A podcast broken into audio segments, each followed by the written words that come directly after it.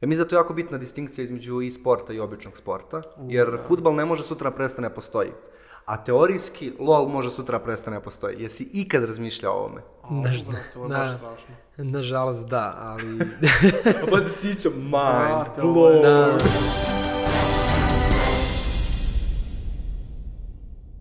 Ponekad mislim da smo ceo ovaj podcast pokrenuli samo da bismo jedan dan pričali o gamingu.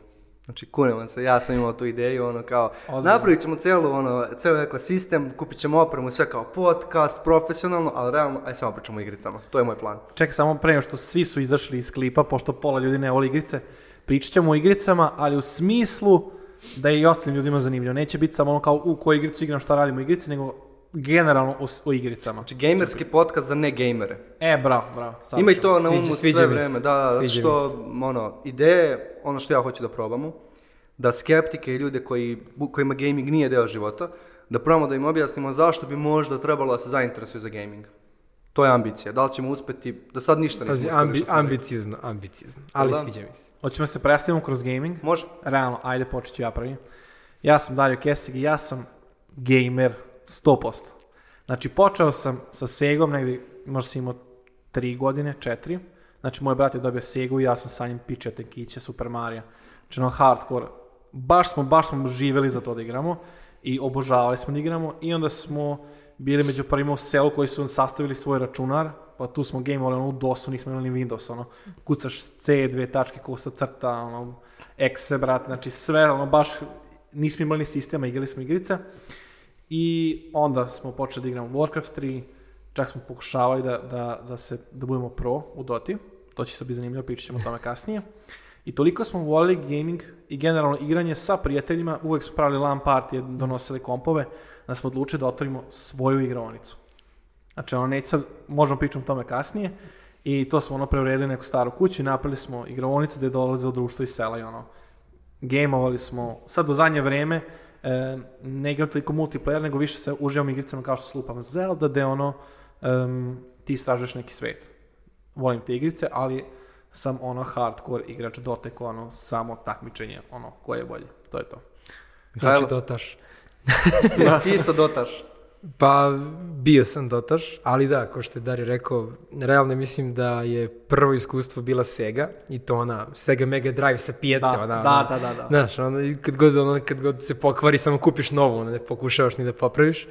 I pištolj nikad nije radio, to je bilo ono, znači pištolj nikad nije radio, to je 100%. E, ali realno od kad smo dobili neki prvi PC, znači ne, mislim da je bila 98. Ja sam full prešao na, ono, na komp i smatram ono PC Master Race, ono PC Gamer Au. full, da. Tako da, izvinjavam se, ali to je to, nekako nikad mi, ono, joystick, ono, strava da igramo neki futbal, tabačinu, sve to cool, ali kao gaming, to je na, to je na kompu. Aha. I ovaj, neko sam uvijek volao te igre koje su bila ono, RPG, ono RPG, neka priča, ideš okolo, razvijaš lika, što bi rekli, buđiš šabana nekog i... Što bi rekli no lifer. Da, E, da, da, da. to, to, to. I, I tek negde, ono, znači, baš dosta kasnije, kad je krenula igronica CS, ono, 1.5, 1.6, te prve, one, Dote, D-Day Judgment, i ušao taj neki, onaj period. I ja sam, moram priznati, bio jedan od onih likova koji nisu prešli na LoL kad je izašao, koji je ostao, ono, veran Doti, ali, eto, Kako je život ponekad smešan, brate, i ironičan. Da. Ali doći ćemo do toga. ovaj, hvala ti i dobrodošao kod nas. Hvala ja sam. Miloš ovaj, i možda gaming jedina konstanta u mom životu, iskreno. Kad malo razmislim, ono, sve se menjalo. Mesto boravka, hobi, um, ono, poslovi, interesovanja, frizur, sve. Ali jedna stvar koja se... Samo, samo slajd od frizure, nego... Ali kad sam prvi put otkrio igrice, igre, to je sad neka distinkcija koju ćemo možda objasniti tokom podcasta ako se setimo, o, ostao sam zarobljen tu, zauvek. Mislim, u najpozitivnijem mogućem smislu. Ovaj, isto kao i vi, krenula je Sega, ali Sega me nije kupila, nije to, nisam tad prvi put osjetio da sam u problemu. Um, Prva igra, Problem. prva igra, da, koju, koju sam baš, baš, koja me totalno odvalila je bio Aladdin a, na kompu. Aj joj, brate. da, da, I tu sam... I Herkules isto, tako? Da, ali... ali... pre toga on je Lion King da skače. Da, sve to, Aj. ali Al- Aladdin je za mene bio breaking point. Uh, imao sam teča iz, iz Beograda, kod kojeg sam išao u goste, i on imao kompjuter i bavio se računarima i ceo taj geeky fazon. Imao je Aladina, ja nisam spavao, pazi, ja sam klinec, ono mali, trebao bi da spavam, to je važno za razvoj deteta i tako dalje. Ja sam ostajao celu noć da bih igrao Aladina. I dobro, naravno, posle toga, um, slično kao Mihajlo, kad sam otkrio kompjuterske igrice, ostao sam na kompjuterskim igricama dosta dugo, LOL, zaludeo sam se LOLom. Bio sam dotaš, ali nikad hardcore, LOL je mene ovaj, uzeo pod svoje jer je bio malo jednostavniji, lakši za igranje, to je meni sve prijalo. Znači, poenta bitno da razumete, za mene ja mnogo volim igre i baš se ložim na igre, ali sam uvek bio loš u igrama. Tipa, ne postoji ni jedna igra u kojoj sam stvarno dobar, nikad nisam imao ono, hardcore skill, ni jednoj igri, ono, Ni dan danas? ne, ne. Mislim, igram LOL redovno i kao, u suštini, ono, znam dosta o igri, ali realno, mehanički, to je neki dosta, dosta loš, nizak nivo igre. Mislim, igram bolje od tebe mnogo, tipa, mogu baš da te odvalim svaki put, 10 10 puta. jao, brate. Ali, što smo vidjeli u jednom njegovom klipu, ali ovaj, e, ali dalje sam baš loš. Dota Eto, 1 na 1, brate. ma, Ajde, only mid. Može? ne. A, Ne, ne, ne, ne, mora se naprijen maraton. Znači, igra se prvo LOL, pa Dota, pa CS. To je to. Znači, A, da. CS mora preseći. Counter je ona, raz- to su svi igrali, to mora, to je ono što pravi razliku. realno, realno, Mm. da. Um, ok, ovo prvo sećanje na igrice kao svi manje više Sega, komp i sve to, ali možete li da se setite vi svog momenta u životu kad ste bukvalno pomislili ono kao možda bih mogao samo da se bavim gamingom ili igricama na neki način. Neki hardcore moment kad ste se baš zaludili, ti si pomenuo LAN parties i tako to. Sećate li se toga? E, da, ja sam imao te trenutke kada smo, pošto mi smo kao napravili igronicu tu i automatski sam ja tamo najviše provodio vremena. I aktualna igrica, i bila je CSGO aktualna, ali mi smo više igrali Call of Duty, najviše dvojku. I ja sam bukvalno bio najbolji. Mislim, sada moj brat tu, on bi rekao da nisam u pravu, ali ja mislim da sam bio najbolji. I ono, toliko smo bili dobri da lupamo, ako neko sedi pored mene, sad ja igram igricu i ovako pogledam na pola sekunde, samo ako bacim bombu i pogodim ga na drugom kraju mape, znači ono, toliko sam znao sve i Mislim, brut- bio si cheater.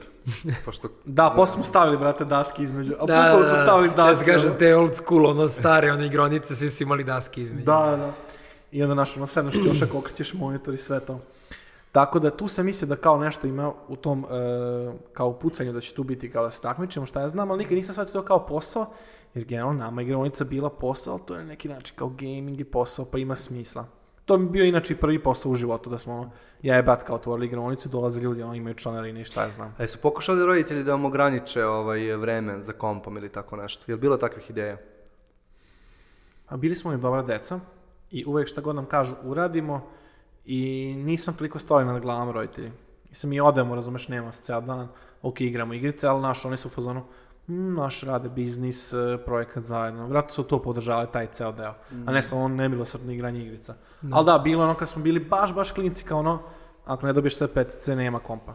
I Bro, ti si imao sreće, da. Ja se sećam da. da je ono, mama jednom htjela bili tom fazonu, ono, tipa ne sjećam statno, ali 45 minuta do sat vremena, ono, fiksno. Sad ću da vam pokažem Da, da. life hacks.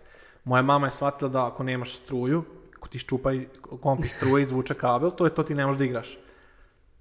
Sića Imao sam kupio 10 agregat. komada, 10, 10 ovih kablova za struju, kad mama nije tu, onda ja sam uštikan kabel i kad se izigram sam izvučem A, ne, kabel mi smo, pazi, mi smo morali da imamo ups, jer je trebalo ćalete za posao da ono, Aha. di- bude osigran od struje, tako da ono, ima si bar još 20 minuta od momenta čupanja kabla. Aj, ja. Nice, To je dobro. profi. Uh, mi smo, Generals je bila igrica kod koje sam ja pukao skroz u smislu, baš mi je bilo važno jedan skill da igram i to sve. I drugari iz komšiluka organizovali smo se i kupili smo celu opremu za LAN i sve to dovukli kod mene desktopove. Niko nije imao, svi su imali desktop računare. I povezali se i igrali Generals dan i noć. I sjećam se jedan dan došla, moja mama isto puno radila, nije bila kući, jedan jedno veče ona dolazi kao vidi nas, ono, beli, razumeš, ne, ne znamo gde se nalazimo, tipa 30 sati igramo. I prije prije odvela me na stranu i kao, mm, kao, do sad sam verovala da, da imaš mozge, da ćeš sam odlučiti, a od sada imaš kao vreme za ovo i to je baš bilo scary, ono, baš sam bio u fazonu koliko si nazadna, ti ne shvataš, ovo je, ovo je život. A inače, ovaj, bilo je smešno jer um, uvek sam je cimao da je licimer zato što je ona također igrala igre. Kad sam ja bio klinac, moja keva je, ono, sve keve su se u nekom momentu navukle na Zoomu ili tako nešto, ali moja keva je dosta ranije se navukla na razne igrice i kao mogla je donekle da razume ovaj, kao celu tu obsesiju. Ali realno mislim da je, da je bilo neophodno da se postave neke granice, jer ja sam bukvalno bio u fazonu, ono, nisam morao da jedem ako, i- ako igramo. Baš ono, nisam bio gladan. Totalno mi je to bilo waste of time da jedem. Wow. to je baš hardcore. Dobro, mislim da ono, realno može da se desi. Ja mislim, ono, mi ja stalno pričam da ono, nije gaming štetan i nisu igrice loše, ali ipak uh, klincima treba neka malo ono, pažnje i neko usmerenje. ono. Jer stvarno jeste, sada pogotovo, mm. to je toliko ono, dobro i mislim, ali kažem, kao što bi zaboravio da jedeš i dok si ono, napolju ili radiš nešto drugo što voliš, mislim da sve treba, ono, da je umerenost neka, Mm.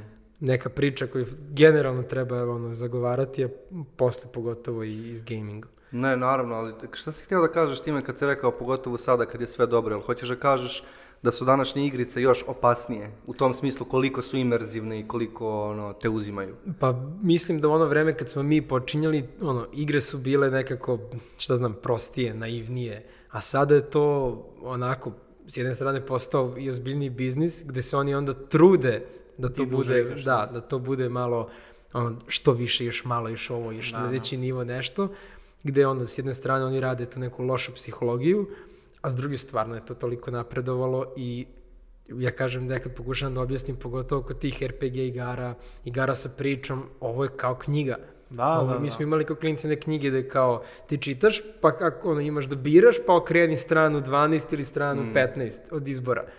I kao to je bilo wow. A ti sada to ono radiš u jednoj igri i ono, otvar, bukvalno možeš da, ajde da kažemo, nije baš živiš, ali doživljavaš priču na jedan drugi način i prosto kao što te i knjige uvuku, mogu i te igre da te, da te Da, uvuku. da. Ali ja mislim da je to najbolja stvar kod igara. Mislim, sad malo onako, možda skipujemo s teme na temu, ali to je skroz okej, ovaj podcast je poznat po tome. Dakle, ovo je moj podcast, mogu da radim šta hoću. I don't care, man. Znaš što sam ja još, e, sad kad spomenuo kao u fazonu da, e, da kao sad igrice su drugačije. Znaš šta je još fora? Igrice su mnogo pristupačnije. Mobile gaming je toliko ono, znači na telefonu da igraš igrice, toliko je easy, imaš toliko dobre igrice. Da ja ne znam kako ono ljudi ne igraju non stop stalno igrice. Pa Ja igraju. da imam vremena, da, ja da imam vremena, ja bi non stop bio ono samo u igricama u tome. Imam onako listu kući, nakon 15 igara koje moram da pređem. Mm. Ništa. Ja vreme, da za, vreme. da, vreme za odmor. Ali ti si pomenuo to da su igrice kao knjiga i tako to. Ovaj, ali ja u stvari, e, ono, dosta gledam filmove, gledam serije, čitam dosta, ono, mislim, kad kažem dosta u poređenju s nekim ono, prosječnim čovekom, ali neke od igara koje sam igrao poslednjih godina su superiorne u odnosu na sve te tradicionalne formate ako pričamo o storytellingu. Naprimer, um, i to je u stvari argument kojim ja, za kojim ja potežem često kada ne gamerima objašnjam zašto treba da igraju igre. Uh, neki od najvećih umova ono, kreativnih rade trenutno u gamingu. Da, da. Ti ako uzmeš da igraš Witchera trojku ili ako uzmeš da igraš ono, Red Dead Redemption ili ako uzmeš da igraš uh, God of War, ti čitaš jedan od najboljih romana napisan te godine, ti, či, ti gledaš jedan od najboljih filmova snimljenih te godine. Ja barem verujem u to. Ovaj, tako da ono kao, da, Posledica toga je da je mnogo zavlačitije i opasnije, ali čovječe, to je čista umetnost. Kao. Jel, Ne, ne. jel vi imate hrabrosti da vam kažete u nekom društvu koji nisu gameri kao da su igrice umet, ono, umetnost bez fusnota? Apsolutno. 100%. Recimo ja, sad kad spomenuo se te najbolje igrice, malo se ne utio što nisi, što nisi spomenuo Zeldu. Ali Zelda je, toliko je bogat svet. Izvini, da možda nisam pomenuo Zeldu zato što mi nikad nisi doneo Nintendo da igramo, rekao si 25 puta da ćeš ga doneti. Možda, mislim, možda je to razlog, A možda je postoji neki drugi razlog. A mislim da je neki drugi razlog. A, ovaj, moguće, da. da.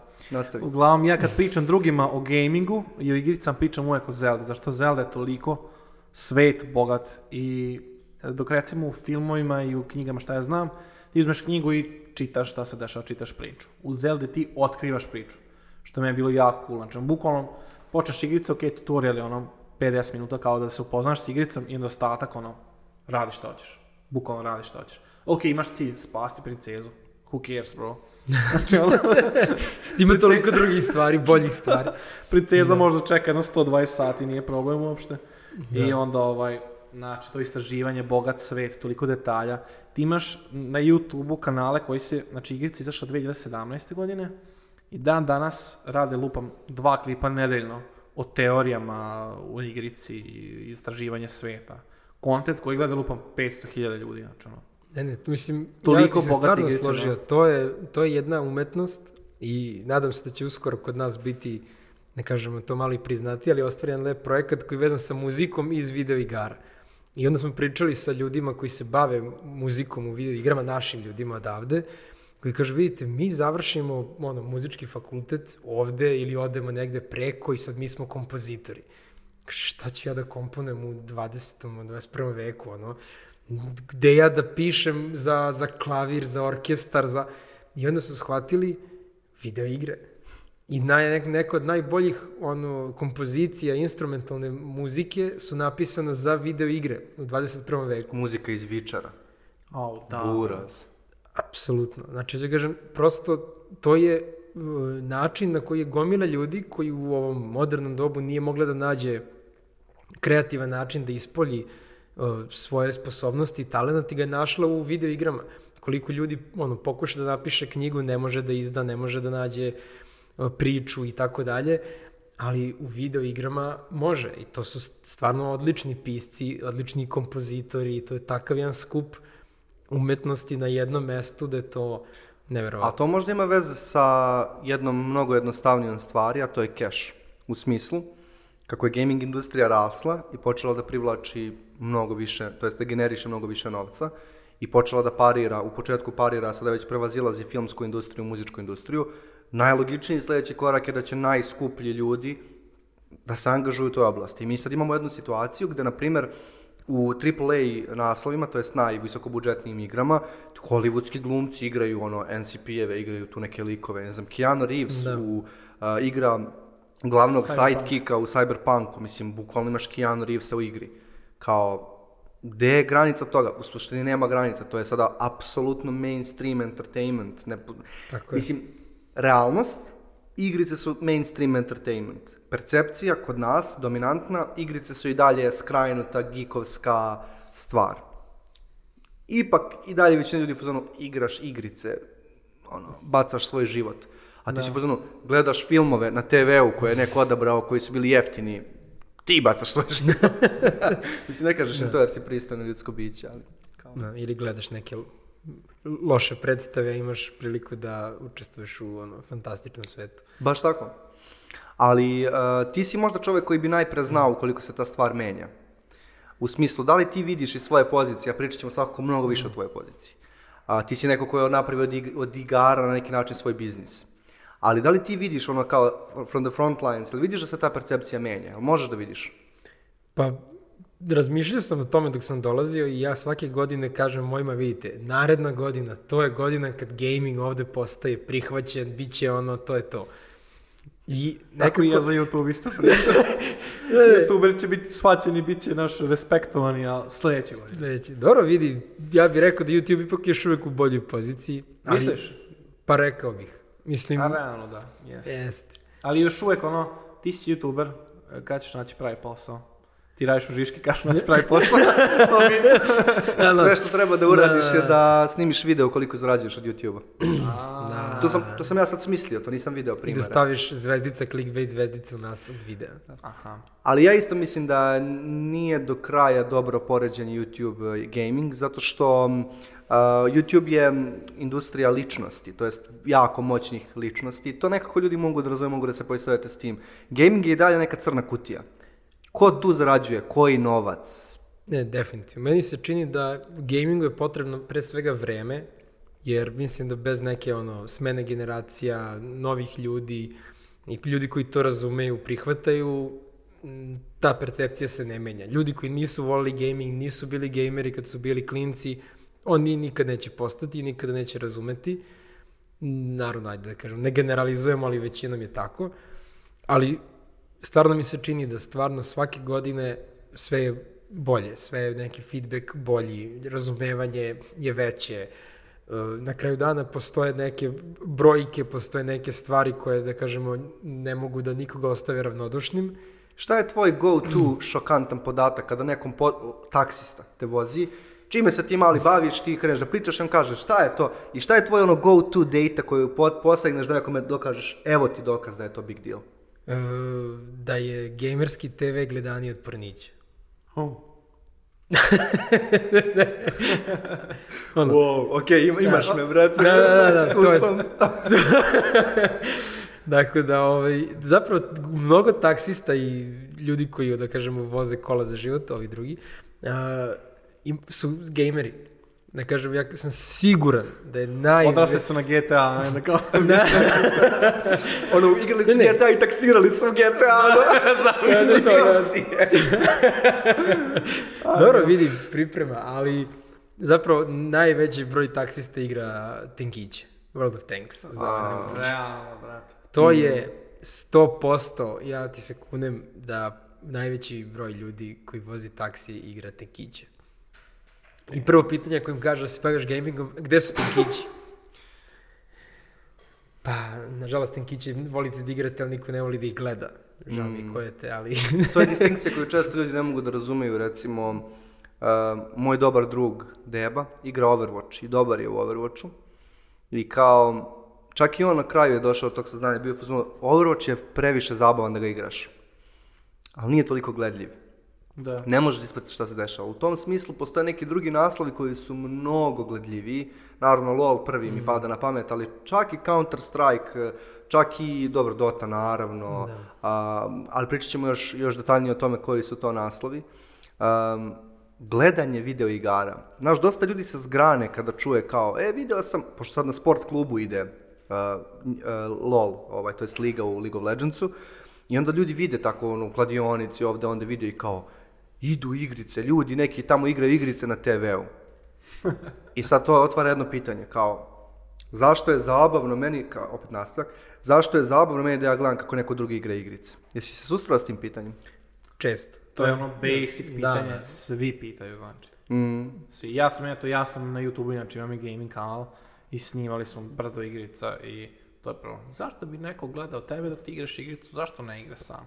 Zašto ljudi gledaju futbol, brate, ne igraju sami futbol na polju? Zašto neko bolje igra, neko igra zabavnije, razumeš? I to Zašto je to. ljudi gledaju onu ribu što ovako kucka po mikrofonu 15 minuta kad mogu sami da... A to je već, to je već nešto, to su ono... da, da, do, ono, ne idi tamo, ne idi tamo. Šalim se, dobro. ali, mislim, s jedne strane uvijek je odgovor, želiš da vidiš nekoga ko je bolji, ko, ne, ko može da uradi nešto što ti ne možeš. To je, da kažem, uvijek kao neka prva stvar. Ali ja kažem druga stvar, a za, da li vi gledate seoski futbol? A, Ne gledate, nije zanimljiv. A zašto nije zanimljiv? Nema priče. I mi današnji futbal gledamo iz nekog, da kažemo, marketinškog aspekta, zato što ima neku priču. Mi znamo te igrače, znamo šta rade, znamo dakle su došli, koliko je plaćen, komu je žena, s kim je imao aferu, da li je radio plastičnu operaciju. Mislim, gluposti, ali mi znamo neke priče si, da. o njima i znamo neki, postoje, da se da kažem, naravno, tradicija duga za, za klubove, takmičenje i tako dalje, ali prosto ljudi nešto gledaju jer im je zanimljivo zato što ima neku priču, ima neku pozadinu, ulazi u neki narativ koji je mnogo širi i koji ih privlači. I slično je sa, kad neko kaže zašto ti gledaš neko takmičenje u videoigrama. Pa ne gledaš baš bilo koje takmičenje, zato što je ono velika žalost koju neki ljudi, uključujući i nas, nekada shvate.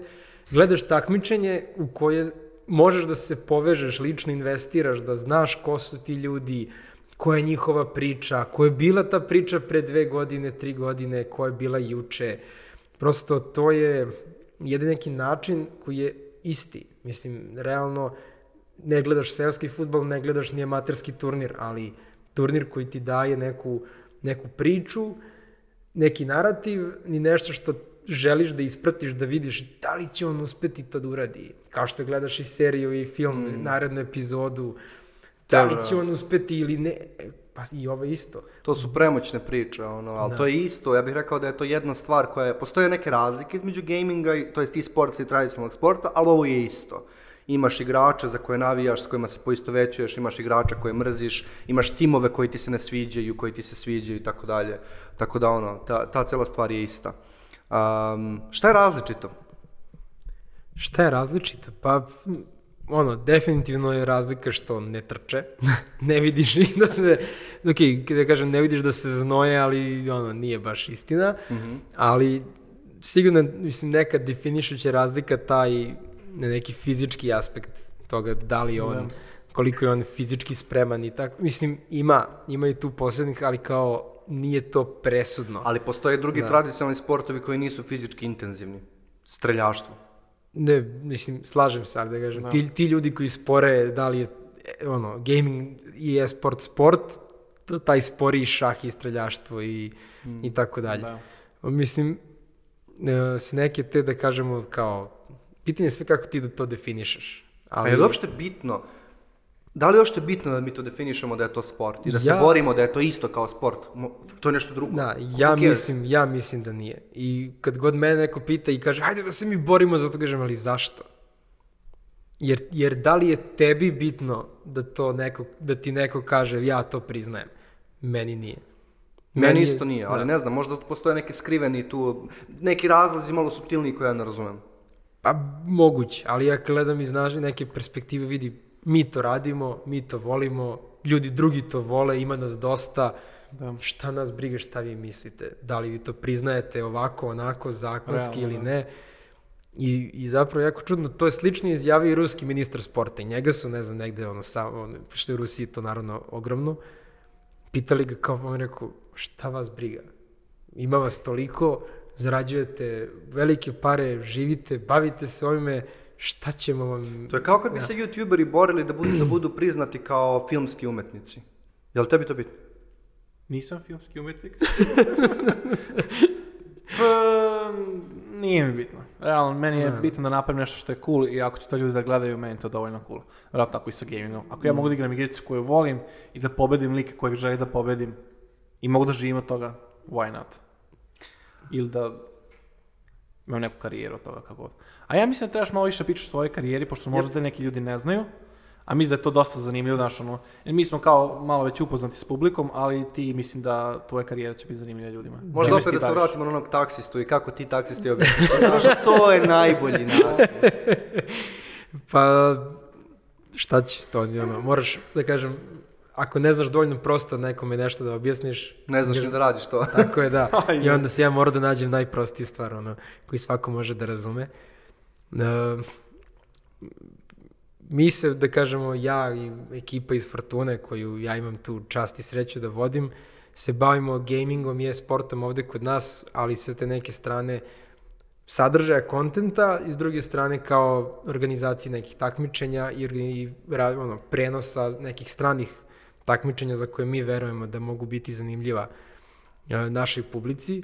I onda opet kažu, ja, pa šta sad sve to nešto? I Rekao, vidi, kao što sport klub kupi premier ligu i prenosi ovde, e mi tako vidimo da neki u Amsterdamu rade turnir, igraju 3-4 ono, ljud, ono, čoveka iz sa Balkana, mi kažemo super, dajte mi to da prenosimo.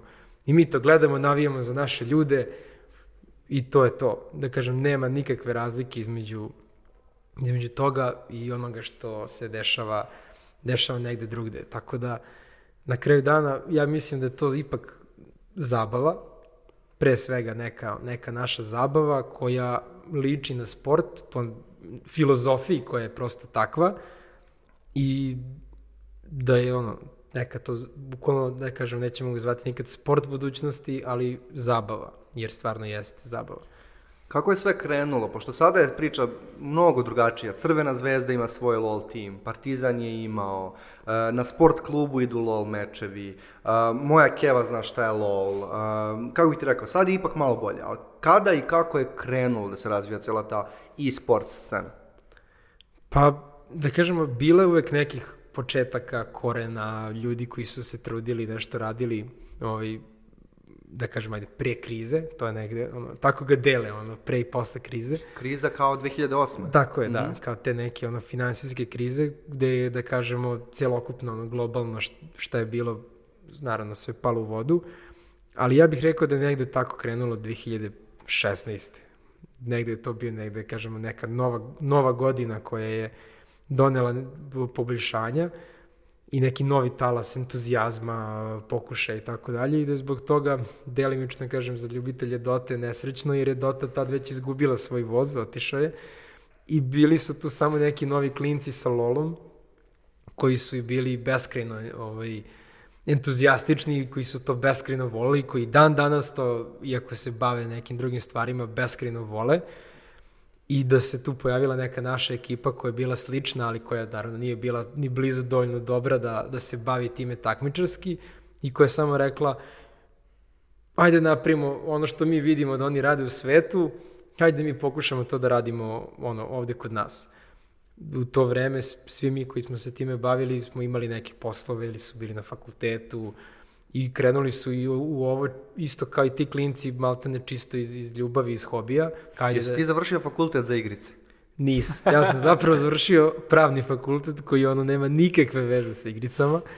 Tako da je ono totalno neka ono, leva priča ali je imalo, ok, imalo je, sad ima nekak smisla, kao kad je to postalo neki posao i ostalo, ima, ima veze, ali to vreme nije bilo, bilo je samo neka, ono, neka, neka želja i entuzijazam i... Znači, izvini, originalna ambicija, ajde da organizujemo takmičenje za srpske igrače timove kao što preko postoje takmičenje. Tako je, i to je bilo konkretno, tada igra Hearthstone, mi smo se nešto ložili na nju, tek je izlazila, bili smo u fazonu, ma ovo je super, ajde to da uradimo, I, da kažem, opet možda bila strašno dobra stvar što Blizzard koji je izdao tu igru je ono bio, ajde da kažemo, nula podrške, možda čak i malo obrnuto, jer mi smo tako isto jako entuzijastični kontaktirali ljude van Srbije. Mi ovde pokušavamo nešto da napravimo, to je strava, pomozite nam, ono, minimalno šta god. Sin. Da, ono, gore od sin, ono, bili smo, ubedili smo tad bili neke ljude, hajde da stavimo to na televiziju, da to neko vidi, Ne, bukvalno su bili u fazonu, ne možete, ne možete ništa. I onda, da kažem, srećom se pojavila ideja za LOL, jer su neki drugi ljudi, van, ono, ne ja, bili u fazonu LOL je najjača stvar na svetu, moramo da probamo sa LOLom.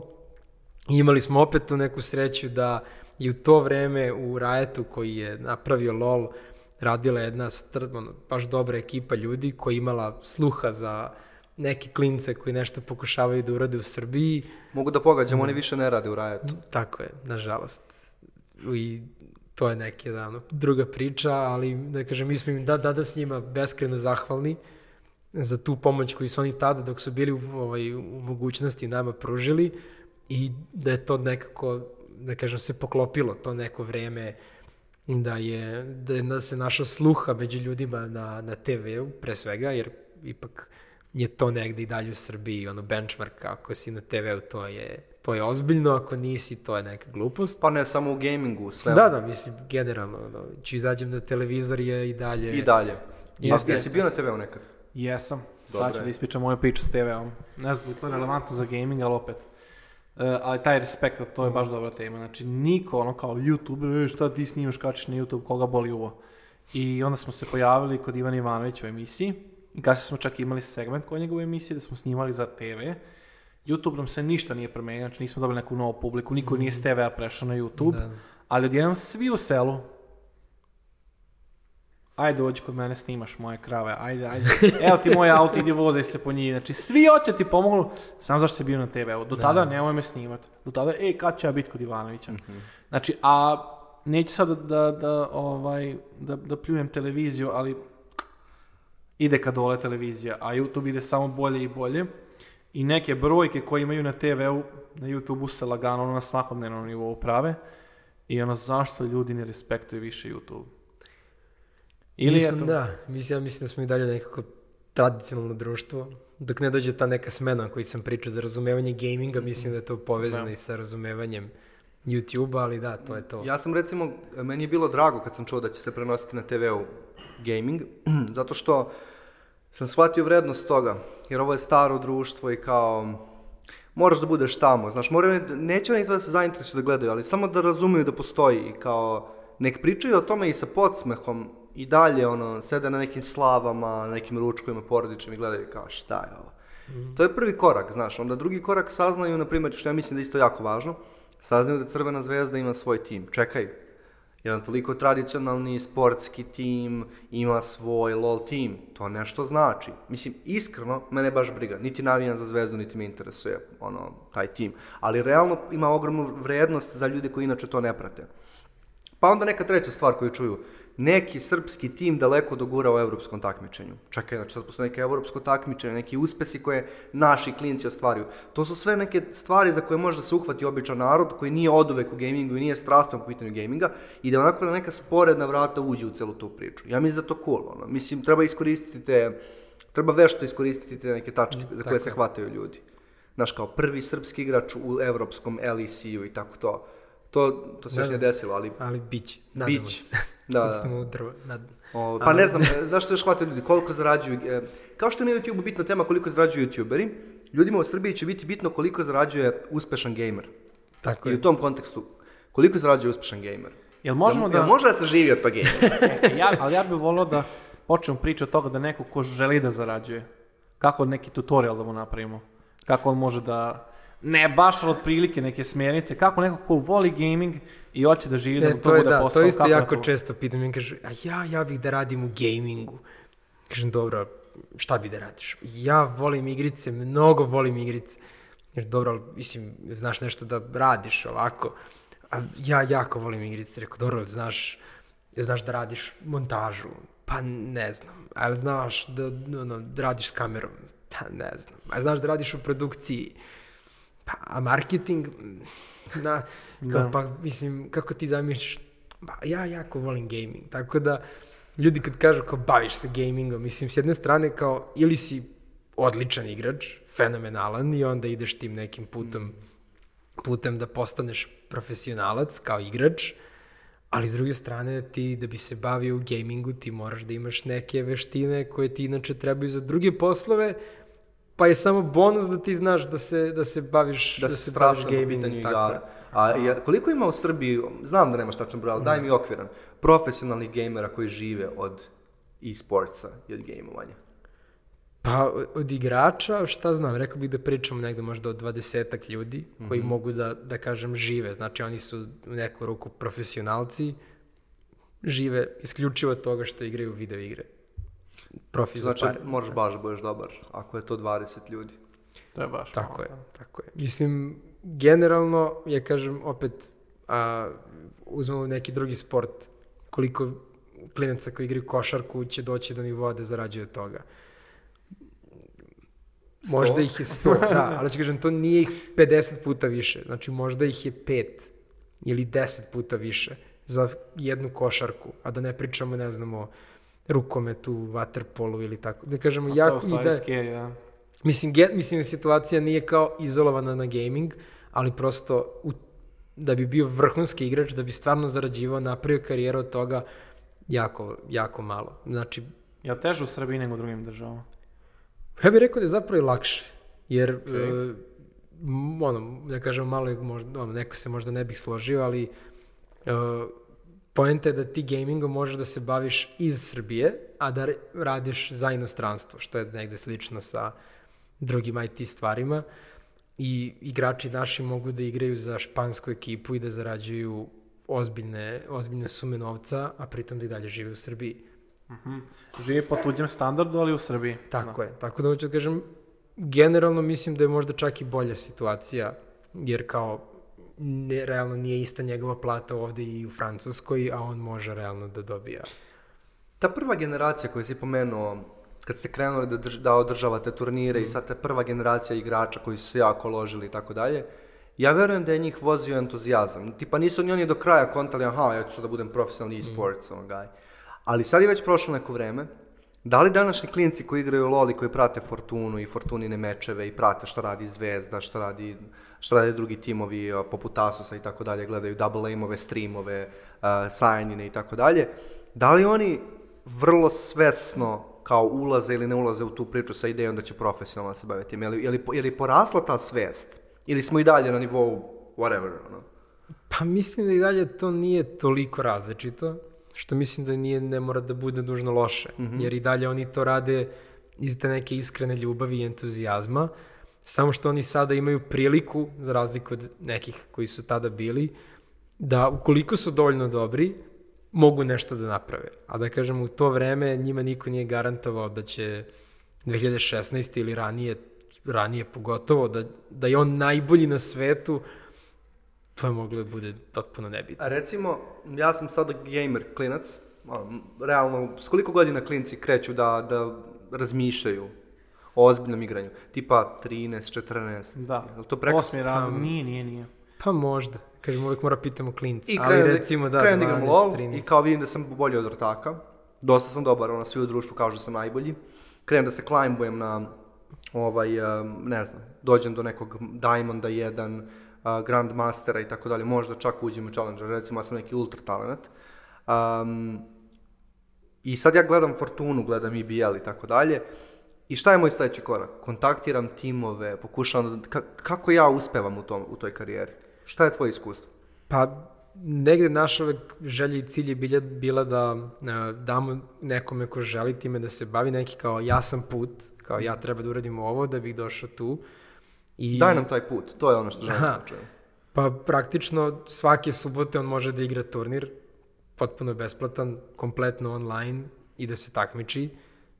Uh, van toga dovoljno često, ja bih rekao, se održavaju drugi turniri koji su po nekim gradovima, na nekim festivalima, uh, koji daju njima mogućnosti da se negde pojave, da nešto, da ga neko vidi. Ne. I sa treće strane, uh, oni sada realno mogu da nakon tih nekih uspeha da kontaktiraju nekoga i da mu kažu, ej vidi, ja sam jako dobar, dajte mi šansu, dajte mi da pokažem šta znam i tako dalje.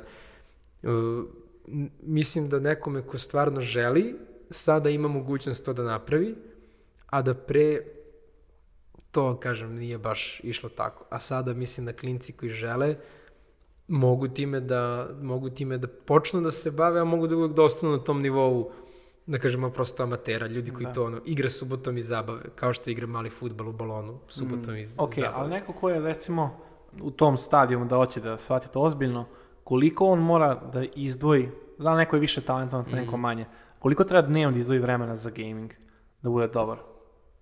Pa, ima nešto o, o, o prilike? Da, pitaš pogrešnu osobu koja je Aha. mnogo loša, ja, ali ja mislim da je ono, bitna neka više posvećenost. On mora da izdvoji možda 4-6 sati dnevno, ali sad je to nekako strukturanije. On može da da, da na mnogo više načina uči, osim što samo da, samo da igra. On može i da pita nekoga, može i da gleda nekoga, može i da ode negde, da vidi, da pita za savet uživo. Imali smo u, Novom Sadu pokušaj u ovoj škole Lola gde su igrači koji igraju evo, za profesionalne timove držali radionice za, za klince koji su hteli. Tako da prosto ima dosta načina na koji oni mogu da da kažemo, vežbaju, da sebe unapređuju i da onda nekak, da negde se pojave. Ali, mislim, jasno je da oni moraju da posvete neko vreme tome. Ajde da se malo izmestimo iz Srbije i da se preselimo, na primer, u Berlin i da zamislimo jedan dan u gaming kući fanatika i da probamo da naslikamo ljudima koji nemaju ovaj, nikakvo iskustvo s tim kako izgleda prosečan dan jednog profesionalnog e-sportiste, naravno ne bukvalno, ali okvirno šta se sve u njegovom životu nalazi. Prvo gaming kuća, možeš da objasniš kratko šta je, a onda i kako otprilike izgleda radni dan. Pa u principu taj neki koncept gaming kuća je nastao uh, tako što su hteli da spoje te igrače koji su glavnom, uglavnom igrali online na jednom mestu, gde će oni mnogo prosto lakše i brže da komuniciraju, povezuju se kao saigrači i praktično ti ljudi žive zajedno u, u kući i da i gejmuju, zato se zove gaming kuća, ali uh, sad je to, da kažem, daleko više evoluiralo. Oni imaju kuvare, imaju teretane, imaju prosto na raspolaganju sve što mogu da požele, Psihoterapeute, psihoterapeute, da, psihologi, analitičare, mm. da kažemo, postoji jedna čitava armija ljudi oko tih profesionalaca, Jel imaju trenera? Obavezno. Jel svako ima svog trenera ili imaju jednog trenera? Kako to ide? Pa uglavnom imaju jednog glavnog, nekad neki imaju, da kažemo, pomoćne trenere, Mislim da je sve češće trend da imaš više par trenera, ponekad se glavni trener bavi i između ostalog i radom sa igračima i draftovanjem na samom stage-u, to je tokom samog meča, biranje čempova i tako to, a sad sve češće viđam da imaju barem dva trenera timovi. Sad ne znam, ti me ispravi ako grešim, ali čini mi se da je to trend. Moguće, zato što, kažem, oni nekad, znaju, jedan je prosto trener možda bolji taktički, drugi je bolji psihološki, a na tom nekom nivou svetskom Ponekad, to su da. ogromni... Ponekad ulozi. igrači veterani koji su igrali na nekoj poziciji, jedan na jedan koučuju trenutne igrače iz rostera. Mhm. Tako, na primjer, imaš trenera, još jednog trenera i neki bivši veteran support, baš radi jedan na jedan o na nekim veštinama sa određenim igračem. Na primjer, to je, uh, čini mi se da je baš G2 navodio taj primjer za da Mickey X radi sa ovim Promiscuom. Ali nije ni bitno, uglavnom, I šta- navodili su taj primjer. I šta sa kao trenerom lupam? Danas vežbamo ubijanje kripova. Ko će bolje da las hituje? Ili, ili kako nešto delite kao treninge? Pa, e, oni to više nekako gledaju, e, da je te neke proste stvari kao to, okej. Da, to sve savladali, ali ali to je propalo na pamet. Neka više njihova uloga je da oni gledaju šta oni rade i da ih onda teraju da ispravljaju neke svoje navike ili neke prosto njima urođenje stvari. On želi, on prosto, ne znam, naviko je da to radi tada ili želi, ima opsano potrebu da, ne znam, u nekom momentu uradi nešto. A onda on pokušava njega da oduči od toga što je... Kao što je najbolje za tim. Decision Tako je, making. da. Lupam, Bukvalno- ako ovaj hoće više da napada, više agresivnije igre, da kažem, napada tako je, protivnike, tako je. da možda malo iskulira. Mm, nakon. pregledaju svoje snimke i zajedno sa analitičarima pokušavaju da zaključa koje su greške koje ponavljaju. Mislim, to je isto što rade profesionalni sportisti. Ja sam siguran da futbalski tim ozbiljan pregleda snimke svojih mečeva i kao, aha, evo, ovo su problemi koje smo uočili. Tako isto u LoL timu, e, ti igraš previše agresivno, evo, tri puta u zadnje tri gejma su te nahvatali i tako dalje. I onda pokušavaju da isprave, u stvari, psihologiju, ja mislim čak često iza tih odluka, pokušavaju da dovedu igrača u određeno stanje uma, da oni ne prave te greške, da se osjećaju bolje na bini i tako dalje. Tako je. Mislim, često su to igrači koji su već na vrhuncu neke, ne kažem, sposobnosti mehaničke i sad je samo pitanje toga da ih više, da kažemo, unapredi kao osobe i psihički i mentalno da budu spremniji za protivnike i svoje mečeve. E sad pomenuli smo gaming kuće i sad logično u tim gaming kućama, e, tim poznatim svetskih najvećih timova, nastaje mnogo dobar sadržaj iz tih gaming kuća. Znači kada oni ne igraju igre i kada ne gledaju svoje snimke, oni snimaju ono, reakcije, sve je vezano za gaming, ali tipa snimaju reakcije, prave zabavan kontent, upoznaju se s fanovima. Recimo, pregledaju snimke mečeva svojih kao fanova i pokušavaju da ocene koja su divizija, to jest koliko su dobri igrači. Znači, gomila kontenta nastaje u vezi s tim gaming kućama. I sad moje pitanje za tebe, Mihajlo, zašto mi u Srbiji nemamo takav kontent? Gde su naši, gde su naše gaming kuće, gde je naš sadržaj iz gaming kuća, gde je naša YouTube scena proizašla iz gaminga? To jest iz sportsa. Da, pa delimično dalje bih rekao da je problem do nekle i finansijski, jer dosta je skupo, da kažemo, održavati gaming kuće uh, i pogotovo onda stvarati takav kontent, ali uh, ajde da kažemo da je to nešto što je lako rešivo, nije, nije neka preterana mudrost, samo vam fali para, ali mislim da je veći problem to što većina igrača ne shvata vrednost e, takvog sadržaja, tog takvog marketinga, građenja svog ličnog brenda, brenda tima i toga što ne postoji dovoljno tih profesionalaca u timu koji bi se bavili takvim, takvim stvarima. To znači, neko mora da osmisli taj klip, neko mora da njih organizuje da ga snime. Evo im neko... čovek. Siću, bili ti radio za gaming kuću kontent? Naravno, naravno. Bez razmišljanja. Ništa, nađi tim koji nema podršku u domenu kontenta i poveži ih sa Sićom i nek Siću barem ode da, da im pomogne da napravi nekih par videa za sledeću IBL sezonu. Eto, dogovoren.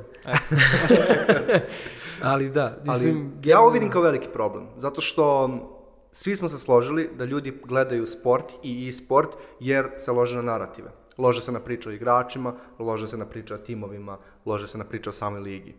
Ko će da ispriča te naše priče? Ko će da ispriča te priče o tim igračima? Ko će da napravi legende od tih igrača ako neće sami timovi i sami ti igrači? Kao, meni toliko deluje očigledno da, treba, da je ovo nešto čime se moraju baviti. Slažem se. I to je, da kažemo, negde naša obaveza kao nekoga koja se bavi gamingom, organizuje ligu, prenose i, i sve njih drži na okupu, je da, da oni nauče da se, da se bave time, tako je, i da e, nije više sad dovoljno samo biti najbolji igrač, nego da je već jako bitno biti brand za sebe, gde je jako bitno komunicirati sa fanovima, imati Instagram, ok, Twitter, ono, Da. to nije, ali da kažemo prosto, moraju biti prisutni. Moraju i da, da oni negde moraju posle da razumeju da će i njihove plate zavisiti od toga Šta oni možda- mogu da ponude van, Jel možda van su terena. igrači previše ponosni u fazonu ja sam dovoljno dobar gamer, zar to nije dovoljno? Ja mislim da su previše stidljivi i zatvoreni, A stidljivi, iskreno. Radije nego ponosni. Da, Aha. mislim da je, da je, da je to pre nego, nego ovo drugo. Jer A, ima više čak, smisla. da, čak i ako nekad razumeju, to su prosto ljudi kojima to nije negde prirodna, prirodna da kažem, stvar i koji ne vide sebe toliko u, u toj Izvini, ulozi. mali, mali ono Mm. plag uh, nečega što ste vi radili, ali baš je zgodno sada. Fortuna je snimala uh, uh, zajedno, zajedno smo učestvovali u jednom projektu, ali realno je Fortunin Mm. projekat Challengeri Srbije. Inače možda googlaš, to je na YouTube Challengeri Srbije. To su u stvari kratki dokumentarci o najboljim igračima u regionu. I ja sam bio na par snimanja i sjećam se da Znači ti dođeš sa ozbiljnom opremom, sa ozbiljnom produkcijom, da snimiš dokumentarni film o igraču. Ti vidiš da je njemu to cringe. Znači on, o, hoće on da učestvuje, vidi on neku vrednost toga, ali mu je neprijatno, on neće da... Glupo mu je, što ga sad nameštaju na tu stolicu, on ne sedi na toj stolici, što mu sad nameštaju to svetlo, što ovo, što ono, što mora da ponavlja, što mora cijela rečenica. Ono, glupo mu je da učestvuje u tome. Iako, ono, mora, jer vidi da mu je vredno, ali mu je i blam. Meni je to bilo nevjerovatno. Znaš šta bi ja predložio? Da lupam, malo onda onako malo subjektivna stvar, ali ubaciti nekoga ko je kao i ja, ko je dobar s ekipom i polako počinjati snimati, praviti kontent da se ljudi naviknu. Jer meni je bilo cringe. Mi smo počeli YouTube ono pre četiri godine, smo počeli kao skečeve za zancije i mm, kad glumiš nekog drugog, on ti je mnogo lakše. A kad trebaš sebe da predstaviš, bude ti naš ono teško. I počeli smo sa tim behind the scenes, pa, smo, pa je to na kraju preraslo u, u da kažemo, ono, content samo oko naših života i oko naše priče, to što njima fali. Znači, ja mislim da treba neka osoba koja se uključi u priču, da ga oni zgotive i da taj sadržaj ne bude toliko, da kažemo, ono, osvetljeni, sa kaži ovo, kaži ono, nek bude prirodno, da to budu oni. Jer ti ljudi stvarno jesu cool. Ja mislim da jesu. Samo oni ne znaju da pokažu drugima da su cool. Ne znam, ali to ima smisla što govorim. Tvoja poenta je, treba postoji persona, jedan protagonista koji je gotivan sa svima i koji će izvući to iz njih. Jel, ima, jel postoji tako neko u Fortuni? Ili barem ne- neki, neki začetak toga? Pa da kažemo, oni su negde malo opušteni sa nama jer se znamo dosta dugo, ali definitivno mislim da je isto bitnije da ova neka naredna generacija ipak to razume, da oni to negde sada vide i da, da shvataju i čini mi se da e, ako budu učili od najboljih, jer ima svetlih primjera kod nas, e, da ako oni budu se ugledali na njih, da će onda to, da će to onda biti dosta drugačije. U ovom ekosistemu koji postoji u e-sportu pomenuli smo gamere, pomenuli smo klubove, timove, pomenuli smo Fortunu kao organizaciju koja to sve organizuje, ali postoje tu još neki učesnici. Naprimer, uh, streameri koji streamuju samu igru i Fortunini kasteri takođe koji prenose mečeve. Pa možeš nešto da nam kažeš o značaju tih, tih likova? Pa ti likovi su, da kažem, oni koji su izneli, izneli tu priču u početku i koji i dalje nose veliko onako, teret na svojim leđima, su, jer ti ljudi, da kažemo, nisu samo lica iza kamere, kao kažem, futbolski komentator, vjerojatno, ono, malo ko je video, ali uh, u, e-sportu ljudi koji prenose mečeve su, su mnogo bitni. I oni su ti koji su tu da od njih koji su, da kažemo, možda i stidljivi i nekomunikativni i tako dalje, da oni naprave da, da Show. show, tako je. Da. I prosto to je to je toliko bitno da je to da je to stvarno strašno, jer mnogi projekti su propali mislim, u svetu zbog toga što su imali, ne loše nekad izbore. I Ja, na primjer, kao neko ko prati svetsku LoL scenu, samo oduševljen kasterima. Imam, kao što imam omiljeni tim, imam svoje omiljene kastere. Baš mi je bitno ko kastuje meč. mm, Mislim, lupam, ja ako otvorim stream i vidim da, ono, sad neću da imenujem, postoje neki kasteri koji su mi manje dragi, ono, moguće da ću preskočiti meč. Bukvalno. To samo pokazuje koliko je ceo taj ekosistem kompleksan, koliko je cela ta stvar, ono, osetljiva na više nekih nivoa, znaš, na koje tr- treba paziti od dosta stvari. Ko je najpoznatiji srpski kaster? trenutno sigurno Sajna. On je neko ko je, da kažemo, bio tu jako dugo, Bivši pro igrač, zar ne? Da, da kažemo, on je ono, veteran scene definitivno, neko ko se prvi bavio evo, gamingom, profi gamingom, išao preko, igrao, vratio se, pokušao da bude streamer, radio dugo na tome i to na engleskom i da kažemo, uspeo da istraje u tome toliko dugo dok nisu došla ova, da kažemo, bolja vremena, Da. ni dok nije dočekao sunce, da, da, da neko kaže da, bravo, to je to. I definitivno je to nešto što je za ogroman respekt i meni je jako drago što je on, što je on istrajao i što je on uspeo da, da izgura ono, od početka pa nadamo se do kraja kad god bude bio. Nice. I sad mi sve pričamo o Fortuni i pričamo o LoLu, a LoL je realno jedna igra a, koju posjeduje jedna privatna kompanija. Sad razmislite koliko je scary. Mihajlov ceo biznis, ok, Fortuna nije samo LoL, ali realno LoL je baš bitan deo vašeg portfolija. Njegov ceo biznis, svi ovi profesionalni igrači, treneri, kasteri, brendovi, timovi, svi oni zavise od jedne igre koja, koju posjeduje jedna kompanija. Ja mislim da to je jako bitna distinkcija između i sporta i običnog sporta, jer futbal ne može sutra prestane da postoji. A teorijski LOL može sutra prestane da postoji. Jesi ikad razmišljao o ovome? Naž- brate, ovo je da. baš strašno. Nažalost da, ali... Pa se sjećam, mind je Da. strašno, realno. da. Ne, ne, Možda apsolutno. propadne jedna liga, ali uvijek imaš druge lige u futbolu. Ali ovdje ako se ugase serveri, brate, Riot odluči, ne znam, LOL, pazi, da ne pričamo o tome da se LOL stalno menja. Neću čak ni da ulazim Da. u to, ali nestane, iz bilo kog razloga.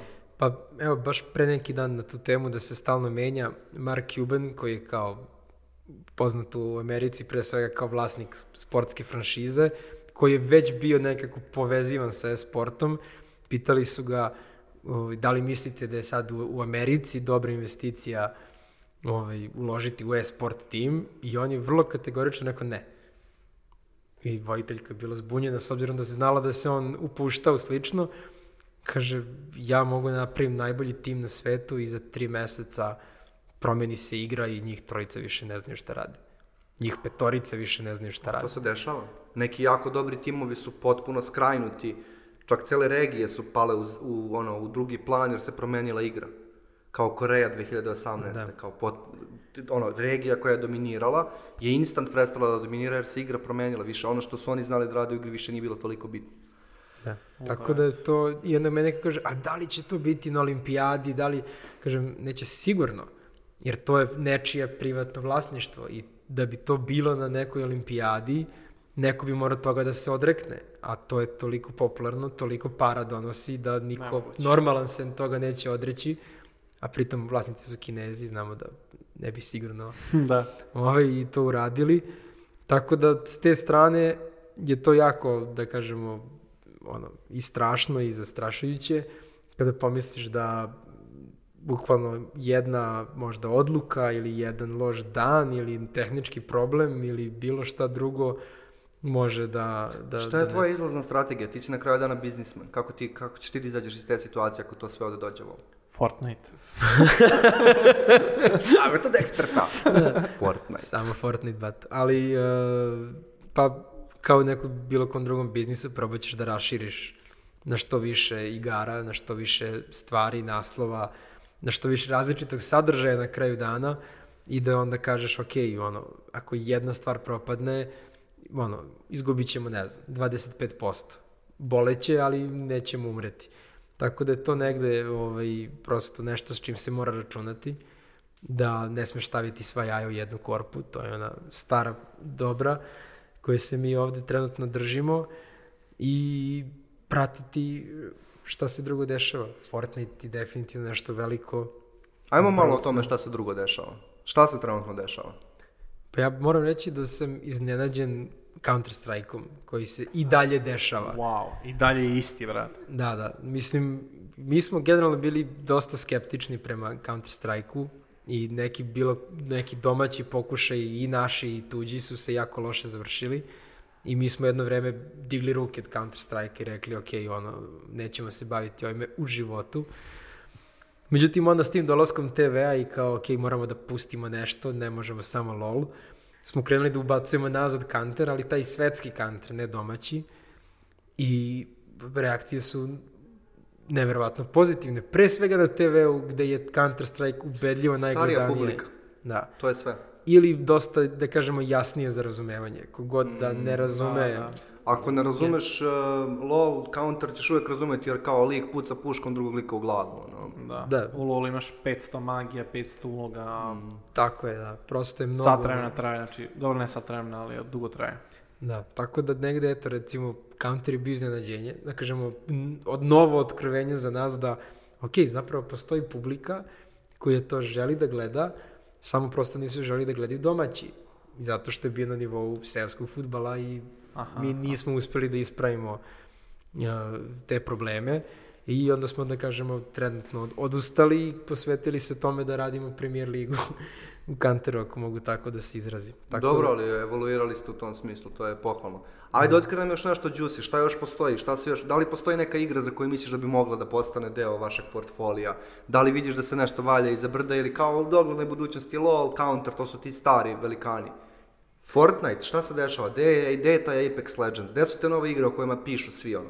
Pa mislim da nijedna nije uspela da postane toliko velika. Fortnite jeste, on je definitivno ogroman, ali on ima taj problem na on je za, njega nose ličnosti, nose ga streameri, youtuberi i on je, ima neku drugačiju, da kažemo, i publiku i onda je dosta komplikovaniji i drugačiji mu je, potreban mu je drugačiji pristup. Ali on je definitivno tu da ostane, a šta će novo biti, ono što je opet još zas- ono, zastrašujuće je što sve te nove stvari koje su perspektivne će izgleda doći od Riota koji je vlasnik ovaj, League of Legendsa, tako da Tako da ne stavljate jaja u drugu korpu, nego samo korpa postaje veća i imate više jaja. Imamo više jaja, tako je. I moramo da idemo ovaj, sultanu da se poklonimo i da molimo da, ostanemo u njegovoj dobroj volji. Ali, da, mislim, i na jednu stranu je to i sreća, jer kao to su ljudi koje znamo, s kojima radimo. S druge strane je opet, da, kao neko ko je potpuno nezavistan i ko se bavi ovime e, odvojeno od njih, nikad nije, bit, nikad nije prijatno da razmišljaš da št- šta ako jednog dana oni odluče nešto totalno drugačije. Dobro, objektivno vi imate sada toliko iskustva, kompetencija, verujem ja da biste se vi snašli, ali je zanimljiva ovaj, ova cela ideja sa privatnim vlasništvom. Baš je onako šok, šoke kad čuješ za to. Mislim kad razmisliš na taj način. A, ajde na kratko da se vratimo i da lagano krenemo da vrepapujemo ovu priču. Da se vratimo na gejmere, ne gejmere, ljude koji posmatraju gaming zajednicu i tako dalje. Postoji jedna predrasuda o tome kako izgleda srpski gejmer. A to je kao tinejdžer, muškarac, bubuljičav, sedi za kompom, pogrbljen, nema devojku, nema život, nema socijalne veštine. Jel tako izgleda gaming community ili ti ipak vidiš da je gaming community malo drugačiji, kompleksniji? Možda nema i bubuljica. to, to, taj problem je rešen dobrim kremama. Da, da, da, da. Imamo kao na, na sreću dobre kozmetičarke, ali a, mislim da je pogrešan. Da- On, to je neki ono, stereotip i prosto možda jeste nekad negde bilo tako, ali sam siguran da više nije. Ja kažem, toliko puta sam ja bio iznenađen sa tim ko je gamer i ko se, ko se bavi nekim gamingom, da je to, da je to suludo. Istina jeste da je to verovatno muškarac negde između 16 i 28 godina, to je fakat, ali to su ljudi koje ćeš videti u izlasku, uveče u kafani, na splavu, preko dana na poslu kao ono računovođu ili advokata ili bilo šta drugo, ko će onda otići kući i, i upaliti neku igru i, da kažemo, opustiti se na koji god način uz nju. Tako da, sto puta ja sam ovaj, bio u fazonu, ok, ako treba da kažem da li je ova osoba gamer i grešim, ono, osjetite mi ruku, ta osoba je bila gamer. Ja sam bio u fazonu, hvala Bogu što nisam ovaj, prihvatio Da, ja nek- sam skoro imao sam jedan sastanak gde smo se na kao fancy obukli sve kao i ta, s druge strane kao osoba s kojom smo pričali na sastanku isto fancy sve. I pričamo naš formalno šta ćemo radimo biznis ovo ono. I slučajno neko spomene gaming. I odjednom se ono pretvori u tome da se mi smemo ko budale pričamo koje smo igrice igrali. Onako, ej, brate, ono će mi da radimo, nešto ćemo poslujemo, tako da, od koja ono naš kao masivan respekt, on kao misliš da ono su striktni, a stvari dođu kući, piče wow i ne znam šta, uš, samo, wow, ti si cool, znaš. Gaming to često uradi, poveže ljude na jednom nivou koji jako ubrza to zbližavanje. Da. Pričaš s nekim, a ti si igrao ja sam igrao to, a brate, nađete se na istoj igri i tu kreće, ono. To je ludnica, da. Ja mislim, to je meni više puta bilo ono strava. Između ostalog, e, često ljudi koji se prijavljuju kod nas za posao su gejmeri ili bivši gejmeri. Ili dalje hardcore igraju ili su u nekom trenutku u životu baš bili posvećeni. Između ostalog i LoLu i tako dalje. I ja mislim da su to, e, ja to gledam kao jako pozitivnu referencu. Ljudi koji su posvećeni gamingu su često veoma uporni, analitični, a, navikli su da se snalaze sami, da researchuju. Postoji dosta nekih pozitivnih osobina u poslovanju, u poslu koja vezujem za gaming. I nisam ja jedini u tom smislu. Bilo je dosta tekstova globalnih medija na Guardianu, ono, New York Times i tako dalje, koliko su zapravo bivši gejmeri veoma zapošljivi kadrovi u finansijskim institucijama i tako dalje. To je meni zanimljiva perspektiva o kojoj ljudi nikad ne razmišljaju. Kao, potrebna je ozbiljna mentalna veština da bi se bavio gamingom ozbiljno. Kao, to je takođe ono, CV referenc, može da bude. Zašto ne bi bilo? Kod nas jeste na neki način. Jeste, da. Tako Mislim, to je imaš cool. gamere koji ovako zumiša, nastavno se i gejmaju, a imaš one koji skroz unese, budu u fazonu. Ja sam jedan tih, brate, da ono... Ja sam glavni razlog što sam prestao da igram Dota, zato što toliko se emotivno investiram, toliko se iznerviram kad izgubim. I toliko želim da pobedim, ono puknem adrenalin da, da počne, čim počne nekog ono prelaženja s jednog linija na drugi, mene toliko pukne adrenalin do kraja igre, znači ono, ustanem i ovako, tresem se. Pa slično. I onda sam bio u fazonu, ok, chill bro. Da, isto tako, samo što ja i dalje kao ne prestajem da igram LoL već ne znam koju godinu za redom. Ovaj, I baš sam pričao sa Goranom kao on kaže, ja se ponekad loše osjećam posle LoL-a. Well, ono, naravno, i ja se isto ponekad loše, kao kad ono pogledaš loš, loš film ili loš, lošu seriju ili odigraš loš game, osjećaš se loše, ali često se osjećaš baš dobro. Imam još jedno pitanje za vas, naravno možemo mi da ono, ostanemo celu noć što se mene tiče, ali nešto što bih želeo da dobijem od vas kao odgovor. Um, koju igru biste preporučili potpunom ne gameru da iskusi i osjeti čari gaminga i da se zaljubi u ceo ovaj svet? Jeste ikad razmišljali o tome? Jeste ikad imali neku devojku ili bivšu devojku koja nikako nije mogla se zainteresovati za gaming, onda vi kao, ovo moraš da vidiš, ovo će ti promeniti sve. Ili sam to samo ja? Pa evo, ja imam devojku koja nije gamer, koja eto gamuje sa mnom. Ja uglavnom njoj preporučujem igrice koje su co-op. Pa ona može samom da igra. Ali nikako da je ubedim. Da, recimo, našao sam ubedio sam sestru da igra Skyrim, pošto je Skyrim toliko dobra igrica. I no, to, to, ali to je baš bilo teško, znači ono, ozbiljna stvar. Ja sam nju nelju dana mučio da ona ne igra, znači ono, mm. pozvonu radi šta go hoćeš, samo igre Skyrim, jer ja sam toliko se oduševio s tom igricom, mi sam pozvonu zašto svi ne igraju ovo svaki dan. I ubedio sam je, ali odustala je na kraju.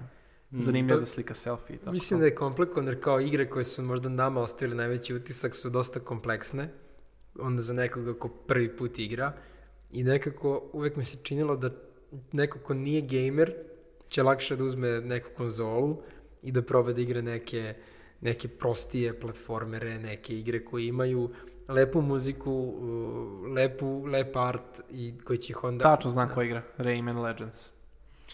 To je do, dobar izbor, ja mislim, za ljude koji ne igraju inače igre, da. Prelepa igra, zabavna je, brzo se nauči, može co-op na konzoli. Overcooked isto jako dobro. Overcooked. Ej, overcooked, da. Da, igrali smo ovde u Kancu, imali smo turnir u Overcooked. Ozbiljno. Če, četiri tima po četiri igrača i radili smo level po level i high skorove beležili. Ljudi su bili toliko zapaljeni, znači ne možeš da veruješ Da, šta se da, desilo. definitivno. Overcooked, da. Da. Ja ljudima koji ne igraju inače igre preporučujem neke ozbiljne kao narativne igre, koje su sličnije filmu nego igrici, jer kao znam da će ih smarati da uče mehaniku, ali ih neće smarati da čuju priču do kraja. I recimo mislim da bi God of War bio moj izbor. God of War je toliko impresivan da kad daš ne gameru da odigra prvi level, ono, verovatno će biti u fazonu wow. Prvo će reći wow, ovo izgleda baš dobro, onda će reći wow, ovo je ono, nenormalno iskustvo, a onda kad uđe u priču, ne znam da li ste igrali God of War. Pa samo neke delove. Da. Da, ti? Na ovaj, sve sam delo igrao, ali zadnji deo God of War jako dobar. Beljivo igrica je jedna najboljih igrica s najboljom pričom. Znači baš ono, Ne možeš da objasniš nekome ono ko nije igrao. Ja sad igram baš Detroit, isto još jedna preporuka za ne gamere. Ovaj, Detroit Becoming Human je u stvari isto narativna igra. Nema mehaniku, maltene nema mehaniku, um, ali priča je neverovatno imerzivna i ti si dešava se u bliskoj budućnosti i tvoji izbori, svi izbori u igri menjaju priču.